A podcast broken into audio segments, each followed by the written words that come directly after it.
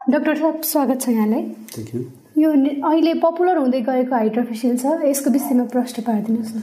हजुर hydra facial भन्नाले नाममै प्रश्न छ हाइड्रा फेसियल पानी युज गरेर गरिने फेसियल भएको हुनाले लिक्विड युज गरेर गरिने फेसियल भएको हुनाले हाइड्रा फेसियल भनिएको। अब फेसियलहरू विभिन्न प्रकारका हुन्छन्। पहिला ट्रेडिसनल फेसियल भनेको जुन क्रिमहरू लगाएर पार्लरहरूमा गरिन्थ्यो। अब त्योभन्दा अलि एडभान्स टेक्नोलोजी जसमा चाहिँ पानीको फोहराले छालाको पोर्सहरू सफा गर्ने र त्यहाँभित्र विभिन्न प्रकारका औषधिहरू अथवा केमिकलहरू अथवा हुन्छ नि चाहिने प्रोडक्टहरू भित्र इन्फ्युज गर्ने तरिकाले गर्ने फेसियललाई चाहिँ हाइड्रा फेसियल भनिन्छ। यो कुन कुन उमेर उमेर समूहकाले गर्न मिल्छ? उमेर समूह यो जुन उमेर समूहकोले पनि गर्न मिल्छ हाइड्रा फेसियल तर यसमा युज हुने प्रोडक्टहरू चाहिँ डिफ्रेन्ट डिफ्रेन्ट उमेर समूह अनुसार फरक फरक गर्नुपर्छ। हजुर। महिला वा पुरुष दुवैले गर्न मिल्छ हाइड्रोफेसियल हजुर महिला र पुरुष दुवैजनाले गर्न मिल्छ। हाइड्रोफेसियलले वास्तवमा कसरी काम गर्छ? हाइड्रा फेसियलले मेन एक्सफोलिएट गर्ने हो। एउटा बाहिर छालाको बाहिरको लेयर सफा गर्ने। त्यो सँगसँगै छालामा मसिना छिद्रहरू हुन्छन् जसलाई पोर्सहरू भनिन्छ। त्यहाँभित्र जमेका फोहोरहरूलाई निकालिदिने र युज गरिने प्रोडक्टहरू एसिडिक प्रोडक्टहरू केमिकल्सहरूले चाहिँ पोर्सहरूलाई श्रिङ्क गर्ने। र सँगसँगै भ्याक्युमले तानेर त्यो फोहोरहरू सफा गर्ने। अब यसमा विभिन्न ह्यान्डपिसहरू हुन्छन्। ती डिफ्रेन्ट ह्यान्डपिसका डिफ्रेन्ट आफ्ना छुट्टा छुट्टै काम हुन्छन्। कसैले कुनैले छालाहरू तन्काउने काम गर्छ भने कुनैले छाला मुनिको एउटा लेयरलाई तताउने काम गर्छ। त्यो अनुसार डिफ्रेन्ट ह्यान्डपिस अनुसार डिफ्रेन्ट डिफ्रेन्ट काम हुन्छ। आठ नौवटा ह्यान्डपिस युज गरेर गरिन्छ। अहिलेको समयमा एकदम पपुलर भइरहेको हाइड्रोफेसियल ट्रिटमेन्ट खासमा किन यति पपुलर भइरहेको छ होला? Hydra facial energy based device medical device नभएको हुनाले पार्लरहरूले पनि प्रयोग गर्न मिल्ने। त्यो कारणले पार्लरहरूले चाहिँ एउटा हाइपमा लिएर आउनुभयो। जसले गर्दाखेरि चाहिँ हाइड्रा फेसियल जुन चाहिँ अब सेलिब्रिटीहरू उहाँहरूले हाइड्रा फेसियल गर्न थालेपछि अथवा नाम चलेका पार्लरहरूले हाइड्रा फेसियल सुरु गर- गरेपछि हाइड्रा फेसियल चाहिँ पपुलर हुँदै आएको। हजुर। सबैजनाको जिज्ञासा के छ भने हाइड्रोफेसियल एकपटक गरे पछाडि सधैँ गर्ने हो कि यदि गर्न छोडिसके पछाडि कुनै साइड इफेक्ट गर्छ या गर्दैन एकपटक गरे- गरेको भन्दैमा सधैँभरि गर्नुपर्ने भन्ने छैन। जस्तै कि अब कुनै इभेन्टहरू आइरहेको छ पार्टीहरू आइरहेको छ एकचोटि गर्छु त्यसपछि गर्दिनँ भनेर त्यो गर्न पनि पाइन्छ। तर क्युमुलेटिभ इफेक्ट भन्छ वर्षमा हरेक महिना हरेक एक दुई महिनामा गर्दै गर्दाखेरि चाहिँ स्किनमा चाहिँ बेटर रिजल्ट थप प्लस हुँदै हुँदै हुँदै आउने।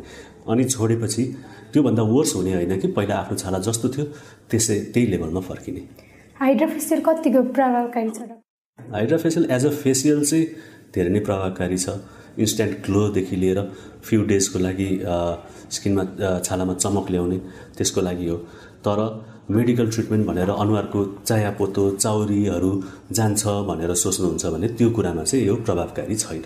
हाइड्रोफेसियल स्किन टाइप हेरेर गरिन्छ या कन्डिसन हेरेर गरिन्छ होला? हजुर स्किन टाइप र कन्डिसन हेरेर गरिन्छ जस्तो कि अब मेलासमा चायापोतोहरू छ भने त्यसमा युज हामीले हिट दिने ह्यान्डपिसहरू युज गर्दैनौँ अथवा कसैको छाला एकदमै डल ड्राई छ भने त्यसमा हामी ग्लाइकोलिक एसिडहरू अलिक बढी युज गर्छौँ ताकि केमिकल पिल जस्तो काम पनि गरोस्।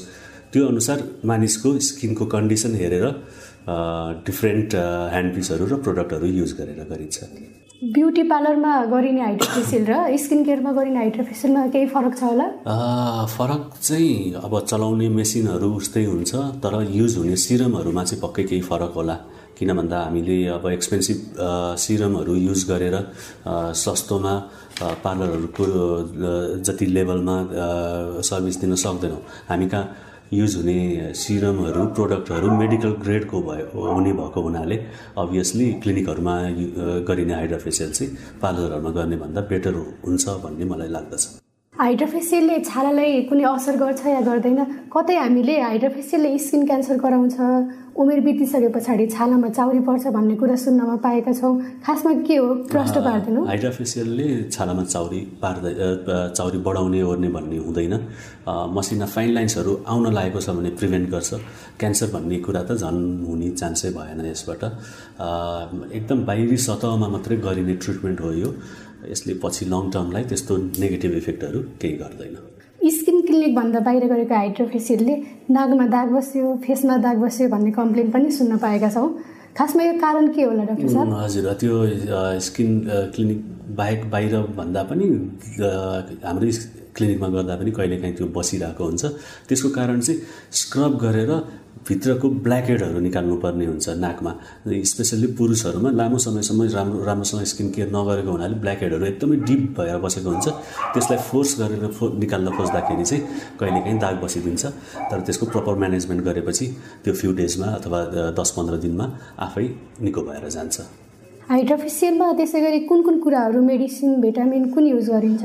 हाइड्रोफेसियलमा usually glycolic acid lactic acid vitamin C serum जस्ता एन्टिअक्सिडेन्टका साथसाथै अल्फा हाइड्रोक्सी एसिडहरू युज गरिन्छ जसले चाहिँ बाहिरको एउटा सतहलाई चाहिँ एक्सफोलिएट गर्ने र भित्रसम्म डिप नरिसिङ नरिसमेन्ट दिने काम गर्छ। हाइड्रोफेसियलमा केमिकल पनि युज हुन्छ भन्ने सुन्नमा पाएका छौँ। हामीले युज गर्ने अब केमिकलै भन्नु पर्ला त्यसलाई। अझ एसिडै हो glycolic acid lactic acid vitamin C पनि एस्कर्बिक एसिड सबै एसिडहरू नै हुन्। केमिकल एसिडहरू नै युज हुने हो। तर कुन मात्रामा कति युज गर्ने त्यो अनुसारमा त्यो अनुसारको इफेक्ट आउँछ। कस्ता कस्ता व्यक्तिहरू हाइड्रोफेसियल गर्न आउनुहुन्छ सबै प्रकारका व्यक्तिहरू हाइड्रोफेसियल गर्न आउनुहुन्छ। धेरै जसो चाहिँ हाम्रोमा ट्वेन्टीदेखि थर्टी फाइभ फोर्टी इयर्स बिचको फिमेलहरूको चाहिँ बढी मात्रामा आउनुहुन्छ। डाक्टर साहब कस्तो प्रकारको छालामा कस्तो ट्रिटमेन्ट गर्न सकिन्छ भन्ने हुन्छ या हुँदैन? हजुर मैले अघि भनिहालेँ। अलिकति झोलिएको छालाहरू त्यस्तो छ भने त्यसमा रेडियो फ्रिक्वेन्सी ह्यान्डपिसहरू बढी युज हुन्छ। मेलाजमाहरू छ भने त्यसमा हिटिङ डिभाइसको सट्टामा कुलिङ ह्यान्डपिस युज गरिन्छ र धेरै नै डल स्किन छ भने त्यसमा भिटामिन सी र ग्लाइकोलिक एसिडहरूको मात्रा बढाइ बढाइन्छ। त्यो हामीले सुरुमा इनिसियल कन्सल्टेसनमा हेरेर यो प्रकारको हाइड्राफेसियल गर्ने भनेर त्यो अनुसारको प्लान बनाउँछौँ। इन्डिभिजुअलको लागि कस्टमाइज प्लान बनाउँछौँ। डाक्टर साहब हजुरकोमा पहिलोपटक ट्रिटमेन्ट गर्न आउने व्यक्ति फेरि आउनुभएको छ या छैन? युजली हामी फाइभ सेसन्स सजेस्ट गर्छौँ।